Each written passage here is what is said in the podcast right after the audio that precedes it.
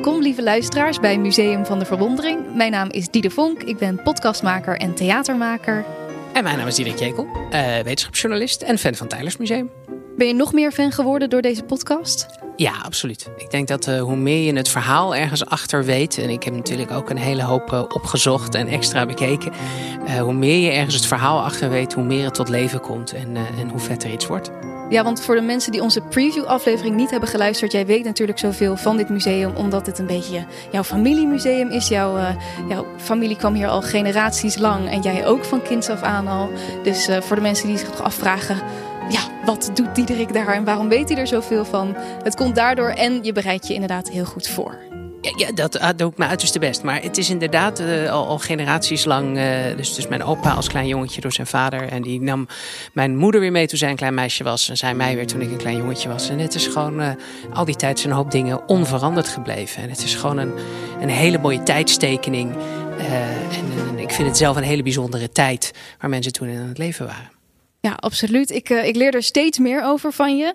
Uh, we zijn vandaag in de eerste schilderijenzaal. Daar waren we vorige keer ook stiekem al eventjes toen we het hadden over de snelkookpan, waar jij toen uh, wild enthousiast van werd. ja.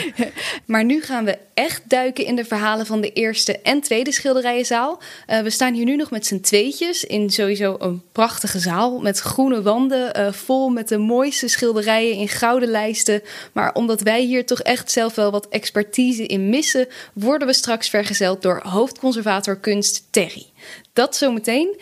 Eerst ben ik wel benieuwd. We hebben het er natuurlijk al over gehad, over hoe hier wetenschap en kunst uh, heel erg samenkomen.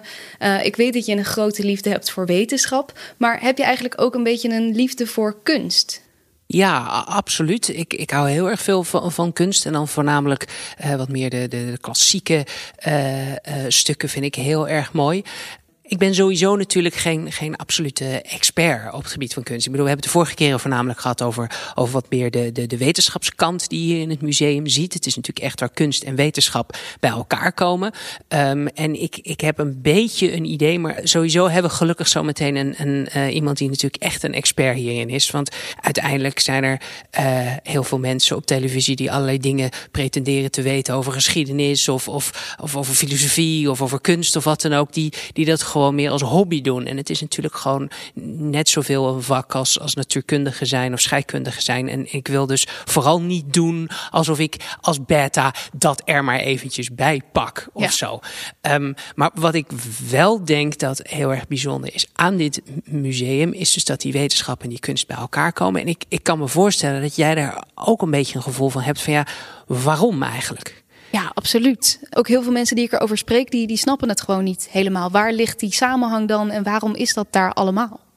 De basis daaraan is gewoon een soort verwondering, iets willen weten, het, het inzichtelijk en begrijpelijk maken van wie we zijn, waar we naartoe gaan en waar we vandaan komen. Um, wat, wat we hier in de schilderijenzaal, en het, hij, is, hij is prachtig met zijn, zo'n koepel waar het licht uh, zo mooi doorheen komt en de, de, de groene muren waar de mooiste schilderijen aan hangen en een, grote tafel in het midden waar je tekeningen kunt bestuderen, waar mensen dus uh, ja, het is wat dat betreft ook hier weer zo, net zoals in die ovale zaal waar we uh, de vorige keer waren. Dat is een plek waar uh, en bezoekers kunnen komen om te genieten van wat de wetenschap voortgebracht had. Dat was de functie in die tijd.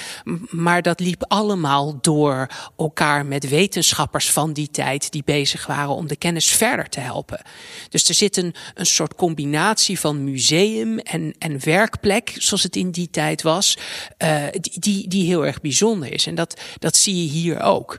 En, en de, de schilderijen en, en de tijd en de kunst en de, de, de, de poëzie en de literatuur uit die tijd, dat is echt in, in de romantiek.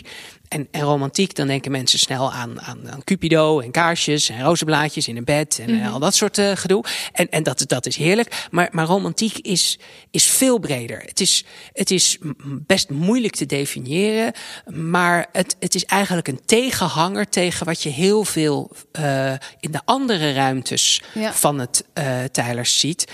Um, daar, daar zie je um, mensen bezig met de verlichting. Die, dat waren mijn, mijn voorgangers van de beta-wetenschappen, die waren bezig met uh, het doorgronden van de natuur.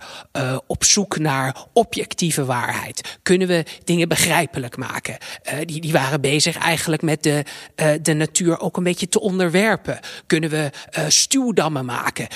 Wat bedoel je met onderwerpen? Nou, dat je, dat je de, de baas wordt over oh, de natuur. Van wij gaan de natuur wel even onder controle krijgen met nieuwe uitvindingen. Absoluut. Op het moment dat de, de wind niet blaast en je zeilboot niet voortkomt, nou dan maak je er toch een motor voor. Ja. Op het moment dat je uh, uh, een meer hebt wat ingewikkeld is, of, of dat je met je schip ergens niet komt, dan graven we een heel kanaal. Moet je eens voorstellen, in, in, in die, die tijd dat, dat sowieso wat voor ongelofelijke pokkenklus het was zonder een graafmachine, maar dat je dus een heel kanaal graaft. Je bent de, de aarde in je eigen inzicht aan het, aan het herscheppen, als het ware. Er zit bijna een soort grootheidswaanzin ja. die in de mens steeds verder kruipt. En, en die romantiek, dat is echt een, een, en dat is een stroming, dat zie je in, in elke kunstvorm, zie je dat weer terug. Dat is, zover ik het begrijp, echt daar ook een beetje een, een, een antwoord op. Dus um, je ziet allerlei uh, schilderijen en, en verhalen uh, worden er gemaakt waarin het duidelijk is dat de natuur het wel degelijk van de mens gaat winnen. En ah. dat de mens in de on, uh, de, het onderwerpen van de natuur iets, iets aan schoonheid verliest. En wat je vandaag de dag ook heel erg ziet, er zit een ontzettende behoefte tegenwoordig weer naar het moet natuurlijk. Ja. Die, die wetenschap, die chemicaliën, de E-nummers, uh, al dat soort vooruitgang. Is dat ah, nou wel goed? En, en er zit iets, het, het woord chemisch heeft iets viezigs ja. voor veel mensen.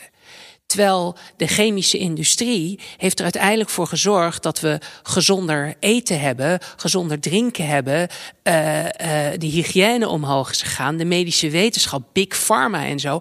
Al die dingen hebben nare consequenties. Maar ondertussen hebben ze ons ook de afgelopen 200 jaar zo'n 40 jaar levensverwachting erbij gegeven. Zeker, maar het is dus wel. Um, toen was dus wel die tegenhanger er al van want ik denk dat dat wel ook belangrijk is, dat die natuur, dat we die ook centraal blijven stellen. Dat we niet onszelf alleen maar uh, als middelpunt zien en wij gaan dat wel weer even aanpassen. En, en daarmee was jij dus een fantastische romanticus geweest. Precies. Ik bedoel, de, de, de, dat precies die gedachte van God, dat de natuur centraal staat, dat de, de onschuld aangetast wordt. Je, je zag ook ineens stromingen dat, dat, dat uh, het kind, dat was vroeger een soort, soort ja, uh, een beetje irritant. Het is nog niet volwassen, je hebt er niks aan, een beetje onhandig. En voor het eerst in die tijd wordt er ook gekeken van ja, nee, maar er zit iets, iets puurs ja. Uh, een stukje schoon, naïviteit uh, zit daarin. Dat je de, de onbevangenheid van een, van een kind, zeg maar, dat dat als iets positiefs gezien werd. Dat we dus de mens centraal zetten. Dat we de natuur centraal zetten. Dat we niet alleen, wat dus bij de verlichting heel erg aan de hand was, uh, kunnen we het voor elkaar krijgen? Maar dat ook veel meer gevraagd werd: moeten we dat wel voor elkaar willen kunnen krijgen?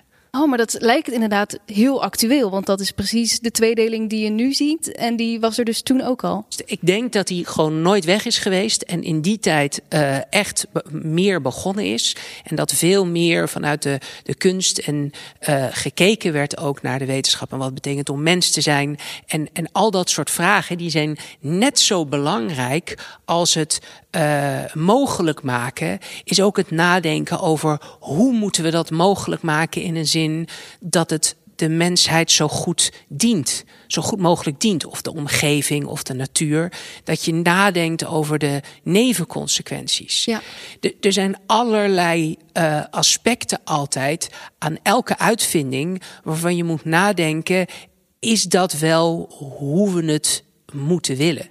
Ja, want het klinkt nu een beetje, dus echt ook hier in het museum als een tweedeling. Maar ik denk dat die twee elkaar juist heel erg moeten en kunnen versterken. Je kan, je kan niet uh, de een zonder de ander hebben, wil je als mensheid vooruitkomen. Elke uitvinding, van de, de uitvindingen die je hier uh, in de zalen hiernaast ziet, van de eind 18e eeuw tot de uitvinding nu, uh, is een beetje als, als een baksteen. je kunt met een baksteen kun je een huis bouwen en ik kan je hoofd ermee inslaan. Dat ligt niet aan die baksteen. Nee. Dus de uitvinding die de beta doet, is een baksteen maken. Maar uiteindelijk moeten wij als maatschappij met behulp van ethici en filosofen bedenken: oké, en hoe gaan we die baksteen dan gebruiken? Ja. En hoe kunnen we met elkaar ervoor zorgen dat we een systeem maken dat die baksteen ook gebruikt wordt om een huis mee te bouwen en zo min mogelijk om iemands hoofd mee in te slaan? Best wel een heel essentieel eh, onderdeel.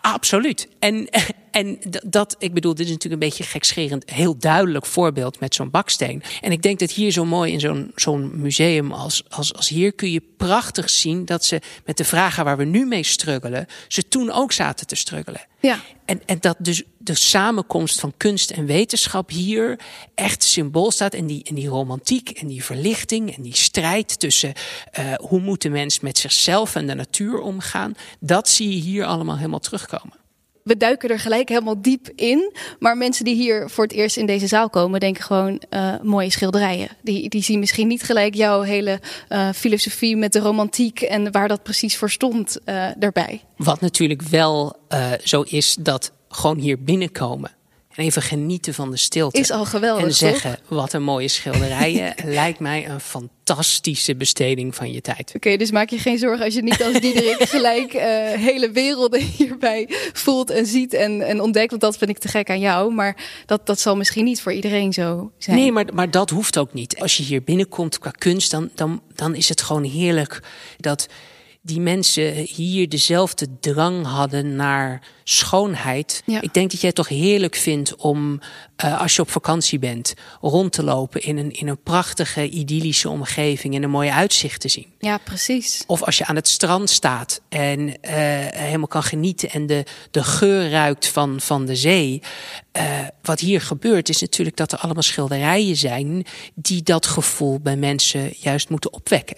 Ja, en dat het gewoon schoonheid is om schoonheid. Dat het gewoon eh, ook mooi mag zijn en er niet gelijk een heel verhaal achter hoeft te zitten. Absoluut. En in die tijd had je natuurlijk ook geen film en video en foto's. Dus, dus was het natuurlijk een ten dele was het ook gewoon dat je ineens even je kon laven aan andere ja. werelden. Nou, ik bedoel, het idyllische plaatje wat ik beschreef, dat hangt daar, daar rechts achter je. En de oh, zee ja. die hangt direct achter je, zeg maar. Ja, we Uh, zien dus- een, uh, een veld met koeien en uh, groene bomen. En, uh, ja, ik ruik bijna hoe het daar moet ruiken. Ja, maar misschien moeten we even de expert erbij halen. Dat is Terry, de hoofdconservator kunst. En uh, die gaan we er even bij halen. Hi. Hoi Terry, je hebt ons even net eigenlijk uh, alvast een poging horen doen om deze zaal uh, te duiden. Hoe, hoe luister jij hier naar? Ja, prachtig. Prachtige dingen die je zegt, Diederik. Ik, ik ben het ook best wel met je eens. Ik denk, ja, er zijn heel veel dingen die ik er eigenlijk wel over zou willen zeggen. Alleen al om te beginnen, dat, dat is dus geen toeval. Maar jullie zijn ook begonnen met het allereerste aankoop. Dat schilderij waar jullie net naar keken, dat is nee, inventarisnummer KS001. Kunstverzamelingen schilderijen 001. No way. Um, ik weet niet, ja, nou ja, het zal dus geen toeval niet, zijn. dat nee, wist ik oprecht niet. Nee, Nee. ik wist niet dat dat het eerste was. Nee. Um, en het grappige is, dat is ook aangekocht door een van mijn voor, voor, voor, voor, voor, voor, voor, voor voorgangers, Gerrit-Jan Michaelis. Die was uh, hier dus opzichter der kunstverzamelingen. Um, die woonde en werkte dus eigenlijk ook hier in het museum, in een van de gebouwen bij het, uh, bij het museum. En uh, was zelf ook kunstenaar, want zo ging dat in die tijd. Want dat waren eigenlijk degenen die ook de, alle kennis en alle vaardigheden hadden om zo voor zo'n collectie te zorgen. En het eerste wat er onder zijn hoede is aangekocht, is een werk van hemzelf. Echt waar? ja, dat zouden we nu Slim. misschien niet meer zo doen. Maar um, dat ging wel ook in overleg toen de tijd met het bestuur, zeg maar. Dus men wou hem ook eigenlijk stimuleren. En dat laat eigenlijk denk ik ook meteen zien waarom deze collectie er is. En, want dit is allemaal eigentijdse Nederlandse schilderkunst uit de periode uh, van deze zaal, de vroege 19e eeuw. En um, ja, de, de, doelstelling was het stimuleren van de levende kunst in Nederland. Uh, de meest directe manier is natuurlijk gewoon het aankopen van het werk van die levende meesters. Zodat ze ook in leven kunnen blijven door er een, uh, nou ja, een boterham te kopen, zeg maar. Dus eigenlijk is dit een soort heel erg uh, vroege subsidiestroom. Zo zou je het kunnen was. zeggen. Ja, ja, ja, ja, absoluut. Ja, dan niet vanuit de overheid, maar vanuit Tyler Stichting. En je staat dus eigenlijk ook in een, in een museumzaal voor eigentijdse kunst, voor hedendaagse kunst. Ik denk dat heel veel mensen, als ze hier rondlopen, het is natuurlijk een prachtige historische zaal met, met vergulde lijsten en groene wandbespanning. Ja, ik en, denk niet eh, echt aan hedendaagse kunst. Nee, maar dat was het dus wel allemaal. Oh, ja. De meeste werken zijn echt direct van, van de mensen toen gekocht en, en uh, hangen sindsdien hier op deze plek. Nou, kijken mensen nu vandaag de dag wel eens als uh, ik ga wel eens naar, naar een modern museum toe. En we zitten nu natuurlijk in een hele andere uh, stroming van de kunst. En dat, dat iedereen op zoek is van nou, waar dient kunst voor? En wat, wat is de, de, de functie? Hoe gaat dat? Mhm. Dat is een zoektocht waar kunstenaars mee bezig zijn. Maar daardoor is het soms wel eens voor het publiek uh, soms wat, wat ingewikkeld of zo. Die denken dan van, nou, ja. is dit nou kunst? En, uh, of zit ik gewoon naar de brandblusser te kijken, ja, zeg maar. Ja. En, en, en hoe was het dan voor de mensen die hier toen uh, waren, zeg maar? Was nou, dat dit is natuurlijk wel ook voor de mensen van toen heel herkenbaar als een kunstwerk. Alleen al, er zit een gouden lijstje omheen. Dat geeft al heel duidelijk aan van hier, dit is een bijzonder plaatje. En het werk is voor het grootste deel ook echt gemaakt om gewoon simpelweg van te genieten. Dus je hoeft je er ook niet voor te schamen dat je het mooi vindt. En dat je gewoon het enige wat je eigenlijk kunt doen is kijken en met je ogen door zo'n landschap wandelen. Of over het ijs uh, wegschaatsen. Dat is ook wel eens fijn, want inderdaad soms in musea heb ik dan toch het idee als ik rondloop. Kijk ik er wel goed naar of mis ik iets? Maar dat, dat, dat hoeft hier dus Eigenlijk niet. Nee, het is gewoon echt heel simpel gemaakt om van te genieten. En het is ook in die zin heel burgerlijke kunst. Uh, de romantieke Nederland is niet groots en meeslepend als in Frankrijk. We hebben hier geen turners zoals in Engeland of, uh, of uh, ja, gewoon grootse vergezichten en, en woeste stormen en dat soort dingen. bedoel, ze zijn er wel, maar de kern ervan is echt gewoon werk wat je heel fijn in je burgersalon kunt ophangen en gewoon rustig, probleemloos van kunt genieten. Waren Nederlanders toen dus ook al een beetje meer behouden zoals nu? Van doe maar normaal? Ik, eh, ik vrees dat dat toch wel een beetje dan de volksaard is. Zoiets als volksaard is natuurlijk ook alweer een heel romantisch begrip überhaupt. Dat proberen te doorgronden wat een, wat een volk en een natie is. En dat zie je hier ook denk ik uiteindelijk wel terug. Als je dan toch wat dieper wil gaan. Het is wel ook een soort zoektocht van de Nederlander naar zichzelf. Om te begrijpen van wie zijn wij, waar wonen wij en, en wat is onze cultuur nou eigenlijk? Want de periode waarin dit werk werd gemaakt en dit museum ontstond, is wel echt een tijd van allerlei revoluties. Uh, sociale revoluties, de Franse revolutie, de Nederlandse revolutie niet te vergeten, uh, de industriële revolutie. De wereld was echt ongelooflijk aan het veranderen. Er waren Napoleontische oorlogen. Nederland werd voor het eerst een eenheidsstaat. En je ziet hier ook terug dat er echt, ja, die, die burgers die kijken naar zichzelf van wie zijn wij, hoe zien we eruit en hoe ziet ons land eruit. En kijken dan weer heel erg terug bijvoorbeeld naar de glorie van de 17e eeuw. De grote gouden uh, meesters uit de Gouden Eeuw, zoals uh, we dat tot voor kort noemden. Rembrandt en Ruisdael en dergelijke.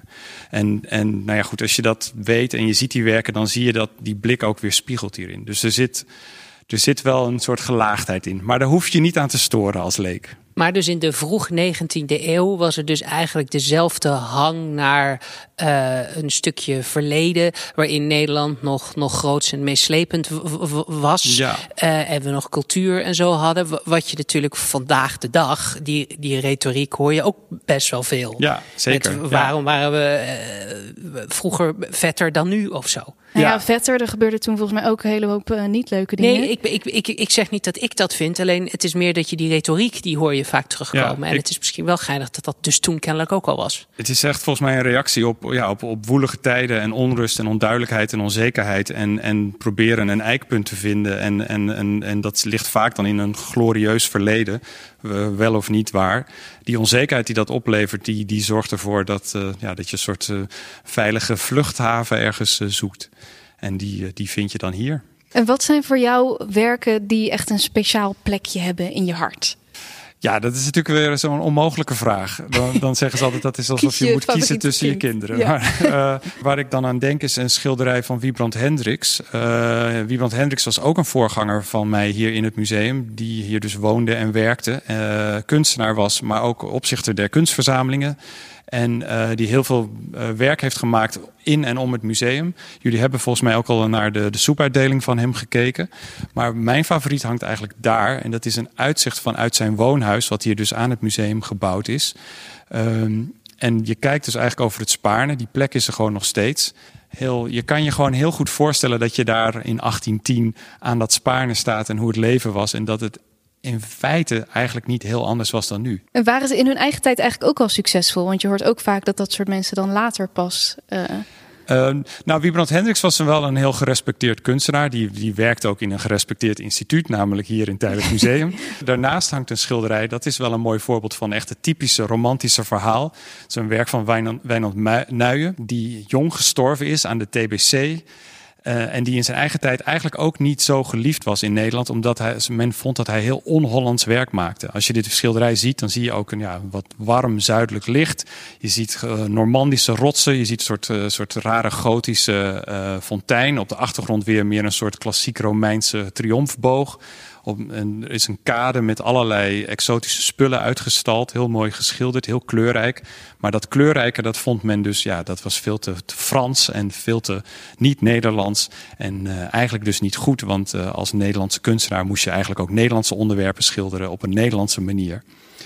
Uh, maar na zijn vroege dood, uh, zoals dat dan gaat, werd hij ineens uh, enorm geroemd. En was met hem de grootste schilder van, van de Nederlandse romantiek verloren gegaan. Maar dat in zichzelf, om een soort drosten-effectachtig iets, is toch ook juist een heel erg romantisch begrip, toch? Dat, dat de onbegrepen kunstenaar, die, die, of, of, of het feit dat, dat liefde en trouwen heeft niet zozeer te maken met gewoon economie en, en ruilverkaveling en al dat soort dingen. Maar dat dat het hart, dat is belangrijk en daar kun je voor sterven. En, en al dat soort concepten, dat, dat komt een beetje uit die tijd volgens ja, mij. Ja, en dat leeft dus toch ook in, in dat burgerlijke Nederland wel. Maar je, je moet er wel wat harder naar zoeken om het hier te vinden. Tussen de spruitjes en de snelkookpan door. Precies, ja. ja. af en toe is het toch iets groots en meeslepends en exotisch en, en uh, uh, kleurrijks, ja. Dus dat schilderij van Wijnand Nuijen, wat ik net niet zien, dat hebben we later pas aangekocht. Ik denk dus dat er geen werk van deze grootste Nederlandse romanticus in de collectie was. Enerzijds omdat hij dus eerst heel on-Hollands werd gevonden. En vervolgens omdat hij dood was. En omdat er alleen werk van levende meesters werd aangekocht. Dus daarom ontbrak er altijd een werk van toch ja, deze belangrijke kunstenaar. En nu kopen we dat dan alsnog wel aan, ja. Ik vind het toch ook wel een beetje gebrek aan verbeelding en verwondering dat het dan toen allemaal zo in een bepaald straatje moest passen. Nou, ik denk dat je daar niet ontkomt. Ik denk dat over honderd jaar men ook naar ons terugkijkt en dan denkt, wat ja, dat was wel weer heel erg allemaal op die manier. Ja. elke, elke tijd heeft zijn eigen, eigen uh, blinde vlekken, denk ik, en, uh, en focuspunten. En zo was het toen. Ja, ik dat denk is misschien dat ook zo. Uiteindelijk wat, wat dit museum ook wel laat zien, de, hoe de wetenschappelijke uh, vondsten hier uh, in het bestaande paradigma geramd werden, geeft natuurlijk maar aan dat je altijd, wat je ook bekijkt, of het nou via de kunst of de wetenschap is, dat altijd doet vanuit je eigen culturele achtergrond, je eigen geschiedenis. En dat het, het hele idee van objectief en alles überhaupt eigenlijk niet haalbaar is. Nee. Een deel van de wetenschappers vond het strevenswaardig. Maar haalbaar, dat is natuurlijk wel echt een tweede, denk ik. Ja, je kijkt natuurlijk altijd vanuit je eigen bril. Ja, je moet een keuze maken. Je kan niet alles uh, aankopen of alles onderzoeken of alles maken, denk ik. Ja. En noteren jullie nu wel veel meer de overwegingen waarom bepaalde dingen zijn gedaan, zodat jouw bed, bed, bed, bed achter, achter, achter conservator wat meer snapt waarom die, die gekke begin 21ste eeuwse conservatoren deden wat ze deden? Uh, ja, dat doen we wel. Zo gauw er maar een mailtje is waarin een overweging staat, dan proberen we dat wel uh, aan het record in uh, ons collectiedatabase systeem te koppelen, zodat dat voor de toekomst bewaard blijft. Ja. En in ieder geval deze podcast dan in de 24e eeuw. Dat is Precies, sowieso handig, ja, daar luistert iedereen dan nog steeds naar natuurlijk. Hallo, ja. iedereen uit de 24ste eeuw. Met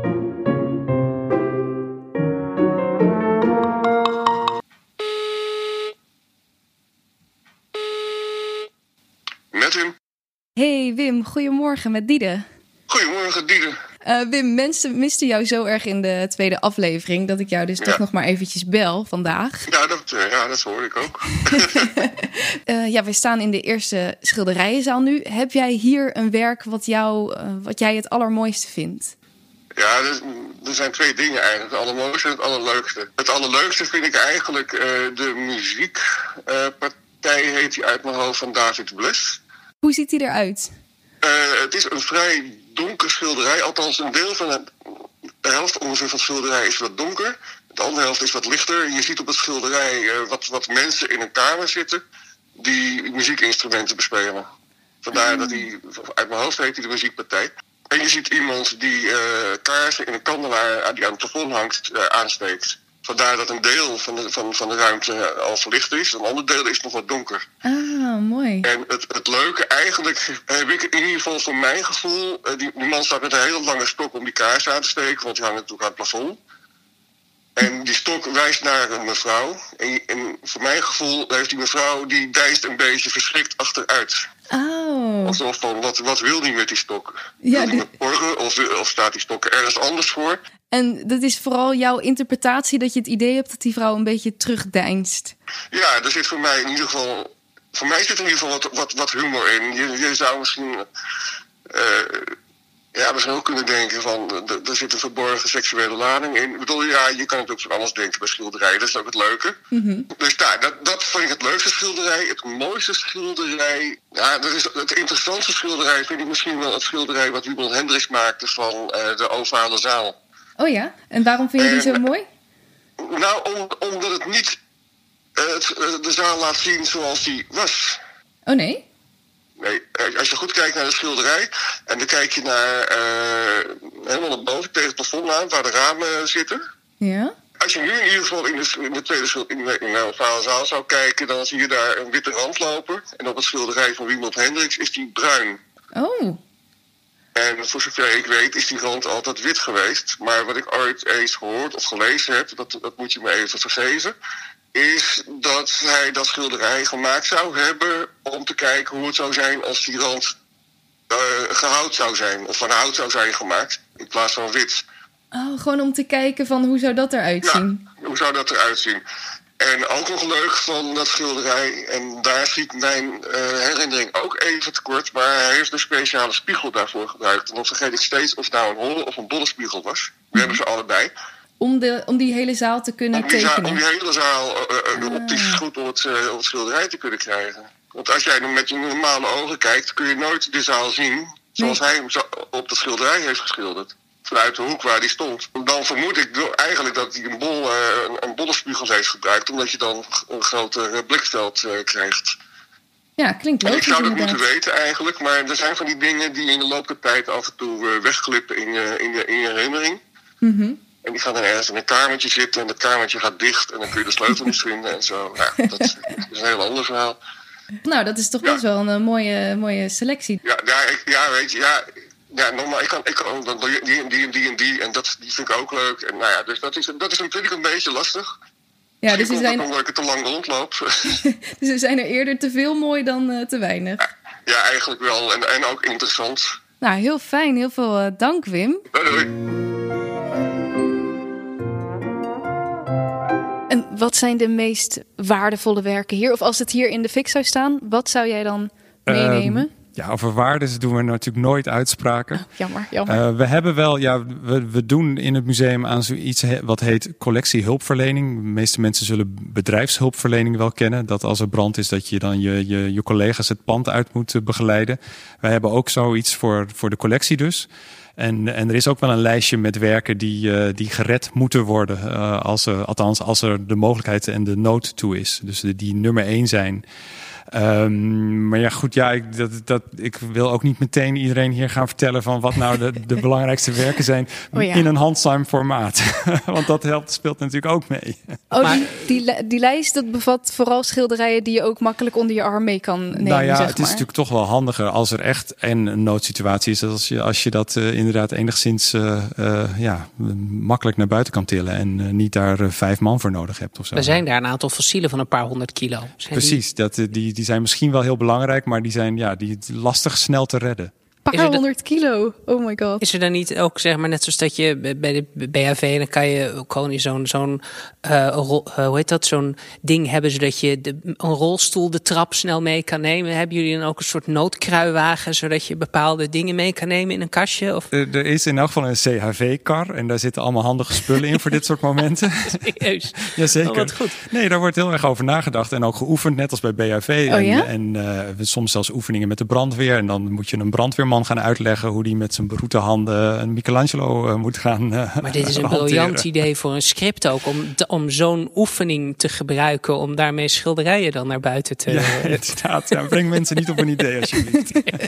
En hoe zag, eh, is de zaal onveranderd sinds eh 18, wat is het, 39? 1839 ging deze zaal voor het eerst open. Toen zag hij er bijna het uit zoals nu. Alleen het daklicht is op een gegeven moment veranderd. Dus er zit nu een groot raam helemaal in het midden van het dak. En uh, toen het open ging, zaten er kleinere ramen aan de zijkanten. En, eind 19e eeuw uh, vond men toch dat, het, uh, ja, dat dat licht eigenlijk te, te hard en te, te direct op de schilderijen viel. En heeft men dit aangepast. En de hanging die je nu ziet, dus de manier waarop het hangt, die is ook eind 19e eeuw eigenlijk. Ja, en als je om je heen kijkt, zie je natuurlijk ook dat het niet heel modern is. Dus er hangen meerdere lage werken boven elkaar. En er zit ook een soort van symmetrie in. Je ziet dat er dat vaak een, een groot schilderij links, dat er dan rechts ook een groot schilderij hangt. En die werken hebben vaak ook met elkaar te maken. Um, vaak dezelfde kunstenaar. En qua onderwerp is er dan een soort gespiegelde relatie. Dus een winterlandschap naast een zomerlandschap. Of een fruitstilleven naast een bloemstilleven. Een damesportret naast een herenportret. Um, en dat is dus ook een soort, ja, een soort spel wat je eigenlijk met jezelf of met, met uh, iemand met wie je hier bent kunt spelen. Van wat hebben die werken met elkaar te maken. Maar wat goed, dat ik kijk inderdaad heel erg naar die individuele werken. Maar dat, dat heeft dus ook allemaal weer een relatie tot elkaar. Ja, ja het is echt een soort bouwwerkje. En nou, een bouwwerkje ook van, uh, van de smaak van die tijd. Dus uh, alles uh, in deze tijd aangekocht door de, door de mensen van toen die, ja, die hiermee ja, laten zien wat zij belangrijk en mooi vonden. Naast dat hier allemaal mooie schilderijen hangen, zien we ook ja, daaronder een soort van vitrines met rode boeken liggen. Wat is dat precies? Nou ja, het is natuurlijk een prachtige tentoonstellingszaal dit. Maar het is ook een soort studiezaal voor, voor de tekenkunst. Want in die kasten hier langs de wanden liggen allemaal oude albums... Uh, waar vroeger de tekeningen en prentencollectie in werd bewaard. Die lag aanvankelijk dus in het middenmeubel van de ovale zaal. Uh, ik, ik leg dat altijd uit eigenlijk als het fundament van alles wat in die zaal uh, te zien is. Dat was dus de kunst, de verbeelding die je natuurlijk nodig hebt om de wereld te begrijpen. Mooi, ja. En toen deze zaal werd aangebouwd en uh, open ging in 1839 hebben ze dus die collecties hier naartoe verhuisd. En kon je hier aan die grote tafel in het midden van de zaal de, de tekeningen dus ook inzien en bestuderen. Dus het is natuurlijk wel echt een museumzaal. Maar het is ook een beetje een soort overgangsvorm van, van, van die ovale zaal. Die natuurlijk ook een soort laboratorium is, een soort bibliotheek. Een soort, ja, echt een, een, een werkruimte ook. En dit is een soort studiezaal dus ook. Dus het is toch wel een soort plek ook voor de, de kunstkenner... die dan hier rustig zich kan verdiepen in, uh, in uh, nou ja, de, de wonderen der kunst. En in de tweede schilderijzaal die hiernaast nog is aangebouwd de, in die tweede schilderijzaal, dat is echt een, een, een echte museumzaal waar je echt puur en alleen maar gewoon voor je eigen genot op een mooie bank uh, een beetje kunt uh, nou ja, passief consumeren, zeg maar.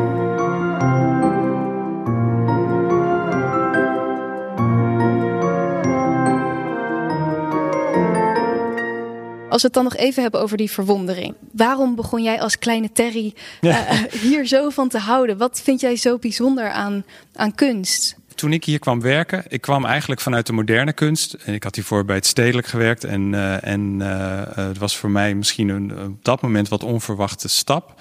Maar toen ik hier werkte, toen realiseerde ik me dat ik als twaalfjarig jongetje dan boeken van Jules Verne las. En, en eigenlijk dit soort, deze wereld gewoon fantastisch vond. En dat ik ja, besefte van, oh ja, dit ben ik. en uh, dat is misschien ook wel het mooiste aan dit hele instituut. En ja, wat je zegt, die verwondering. Dat je echt zo'n tijdreis maakt. Dat je terug gaat naar die 18e eeuw, naar die wereld van de verlichting. Uh, hier dan weer in die vroege 19e eeuw stapt. Dat je gewoon die, die, ja, even deel bent van die, van die mensen in die andere tijd. Die heel anders zijn, maar die tegelijkertijd ook weer net zoals wij waren. En daardoor toch ook jezelf nu beter begrijpt. Dat, dat uh, denk ik echt. En dat is wel, ja, dat is gewoon uniek. En waarom is de link tussen uh, want ik denk dat ik hem heel erg deel. Ik heb ook iets met, met, deze, met het verlichtingsideaal waar ze mee bezig waren. De zoektocht, die, die, die revoluties in, in nou ja, Amerika, Frankrijk, Nederland. Iedereen was gewoon aan het ruzien en, en dingen aan het uitzoeken. Maar waarom is dit dan zo meer resonerend dan bijvoorbeeld de 17e eeuw of de Gouden Eeuw? Of de... Omdat wat mij betreft dit ook de, ja, de, de tijd is waarin onze samenleving uh, zich vormt. En, en dat wij uiteindelijk nog steeds in de periode leven die hier begint. Misschien wel helemaal aan het einde daarvan. Maar, maar dit, is, dit is wel onze wereld. En hier zal niet iedereen het mee eens zijn. Maar ik denk inderdaad dat die 17e eeuw wat dat betreft toch verder weg staat. En, en minder van mij is in elk geval.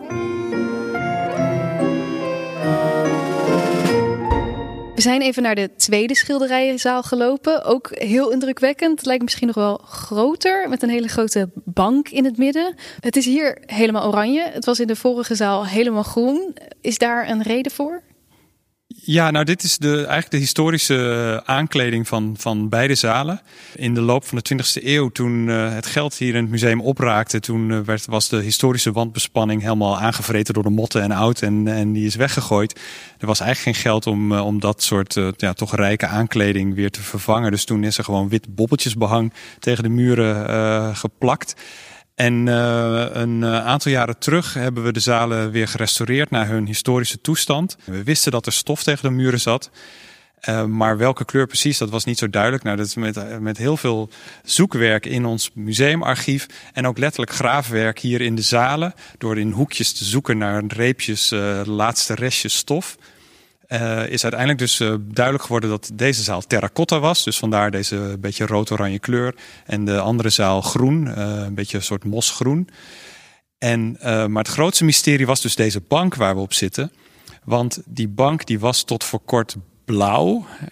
oh. En nou ja, we hadden wel, wel door dat, die, dat blauw waarschijnlijk niet klopte, historisch gezien. Maar um, de enige aanleiding die, we, die er was, was een, een, een bonnetje voor uh, een aantal meters verloerde napels.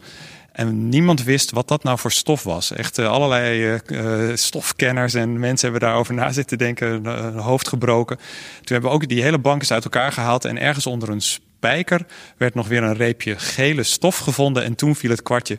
Verloerde Napels is Napels geel. En zo is hij dus dit soort ja, bijna champagne uh, goud geworden. Wat prachtig aansluit weer bij die vergulde lijsten. En ja, dat weer op dat terracotta. Het is gewoon een echt ongelooflijk mooie zaal. En de schilderkunst die hier hangt is ook weer allemaal eigentijdse Nederlandse schilderkunst uit die tijd. En dat is eigenlijk meer de periode van de Haagse school uh, en het, zeg maar, het Hollands impressionisme. Dus het, lijkt wel op wat we in de vorige zaal zagen. Maar daar is het, ja, dat, die romantiek, dat is vaak allemaal heel aangenaam en lieflijk en, en prettig verpozen. Dat is hier ook wel, maar er, zit een, eigenlijk een hogere mate van realisme in. Het is vaak wat, wat losser geschilderd. En hier gaat het echt heel erg om wat een van die kunstenaars uit die tijd noemde het krijgen van een klap van de natuur. Dat je eigenlijk het gevoel hebt dat je daadwerkelijk in dat veld staat en de modder ruikt en, uh, en de wind voelt en uh, de regen en dergelijke. En wat, zijn die, uh, wat is dat koord daar in de hoek? Of, dat koord in de hoek, dat, is, dat wil iedereen altijd weten.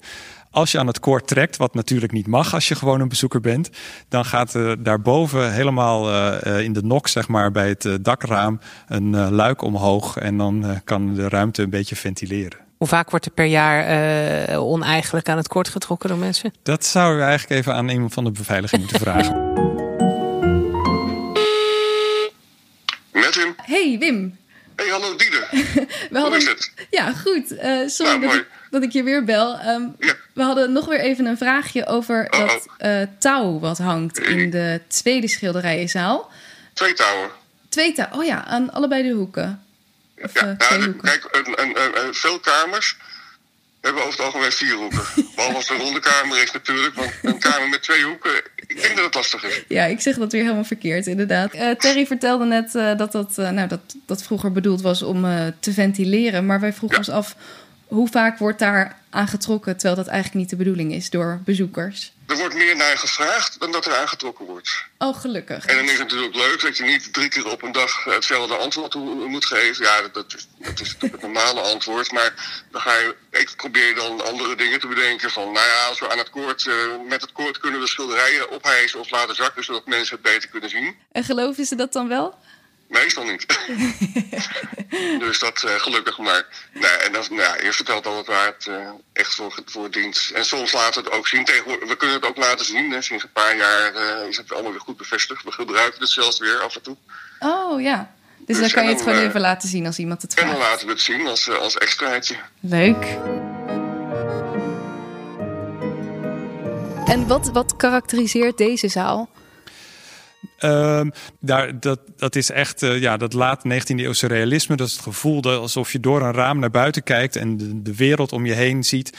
Eigenlijk is dit Ehm, als het om schilderkunst gaat, misschien wel de, nou ja, ik zou niet willen zeggen de meest wetenschappelijke schilderkunst, maar het is wel echt heel erg objectivistisch. Dus het gaat er echt om dat je die wereld gewoon waarneemt en dat je dat op je doek zo kunt, uh, kunt weergeven. Gewoon heel, ja, heel letterlijk en geen, geen symbolische, allegorische betekenis. Het is gewoon het Hollands landschap of, uh, of een, een stadsgezicht of iets dergelijks. Maar wat je ook ziet is dus ja, een beetje de geboorte van wat we echt wel als moderne kunst herkennen. En er hangen wat meer achter in de zaal een aantal werken die, die eigenlijk ook vooruitwijzen naar uh, wat er later uh, in, uh, in de 20e eeuw dan gaat gebeuren. Maar er hangt bijvoorbeeld ook in de hoek een, een beetje spookachtige dame van Matthijs Maris. Ja, dat is, dan kijk je eigenlijk niet meer door een raam naar buiten, maar eigenlijk kijk je bij de kunstenaar naar binnen in zijn hoofd. Het is, uh, ja, het, het, het, is een soort gesluierde vrouw die, die van alles kan zijn. De liefde, de kunst, uh, verlangen, lust, wie weet. Um, en dat, dat is natuurlijk een soort verandering die in deze tijd ook plaatsvindt. Dus de, ja, dat, dat het niet meer alleen maar gaat om het verbeelden van de visuele werkelijkheid buiten, maar ook om ideeën, echt, echt puur, ja, misschien abstracte of conceptuele zaken. Als dit een beetje eind 19e eeuw, begin 20e eeuw is, dan heb je natuurlijk ook gewoon ordinair de uitvinding van de fotografie, lijkt me, die dat. Precies. Dat, ah, uh, ja. En dat maakt het ook natuurlijk belangrijk voor, voor kunstenaars om iets anders te doen dan dat hele pure uh, realistische verbeelden. Dus je ziet dat ook in, op dat moment de verfstreek weer veel belangrijker wordt dan daar, daarvoor. En dat je juist kunstenaars ziet die dus laten zien van kijk, ik doe dit met verf en toch zie je een bloemenzee.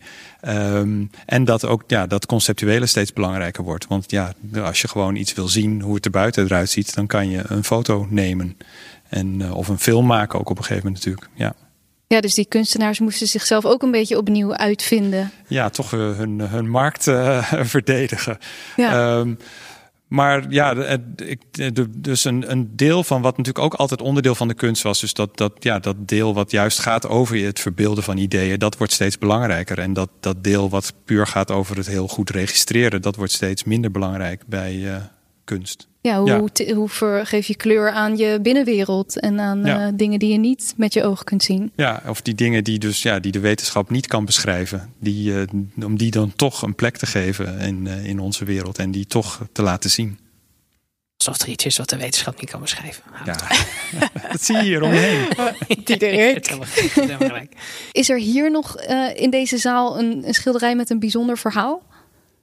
Nou, het is misschien wel leuk om even te wijzen op een van de publieksfavorieten sowieso. Uh, het, zijn, uh, het is De Muziekles, geschilderd door uh, Henriette Ronner Knip. zij was dus een schilder eind 19e eeuw. En zij, haar specialiteit waren, waren poezen. Dus oh. zij schilderde poezen in allerlei settings. Um, vaak een moederkat met jonge katjes die uh, nou ja, door, uh, door uh, de lingerie laag gaan of in het schildersatelier rond klooien. En in dit geval spelen ze op een piano. Dit is nou een van die schilderijen die in de jaren 60 verkocht is, omdat men toen probeerde om de collectie wat moderner te maken. En men dit veel te zoet vond en hm. veel te veel koekblikkunst.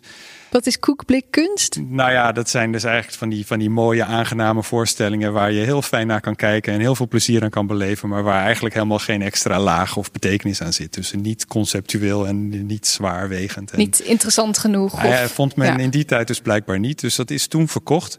Het is, uh, want het was eind 19e eeuw gekocht voor 400 gulden, wat toen best een behoorlijk bedrag was. In de jaren 60 weer verkocht voor ook 400 gulden op een veiling. Dus helemaal wat, niks uh, wat, meer waard. Nou ja, zelfs minder, want in inflatiecorrectie. Die, uh, ja, ja, 400 gulden was minder, minder waard in die tijd. En nou ja, ik, eigenlijk noem ik nooit bedragen, maar we hebben het dus onlangs op een veiling in Chicago kunnen terugkopen voor 70.000 dollar, met dank aan de Bank Giro Loterij. Um, en dat laat, nou ja, we zijn nu heel blij, want we vonden echt dat zij, Ronne Knip is gewoon een belangrijke kunstenaar in de periode van deze zaal.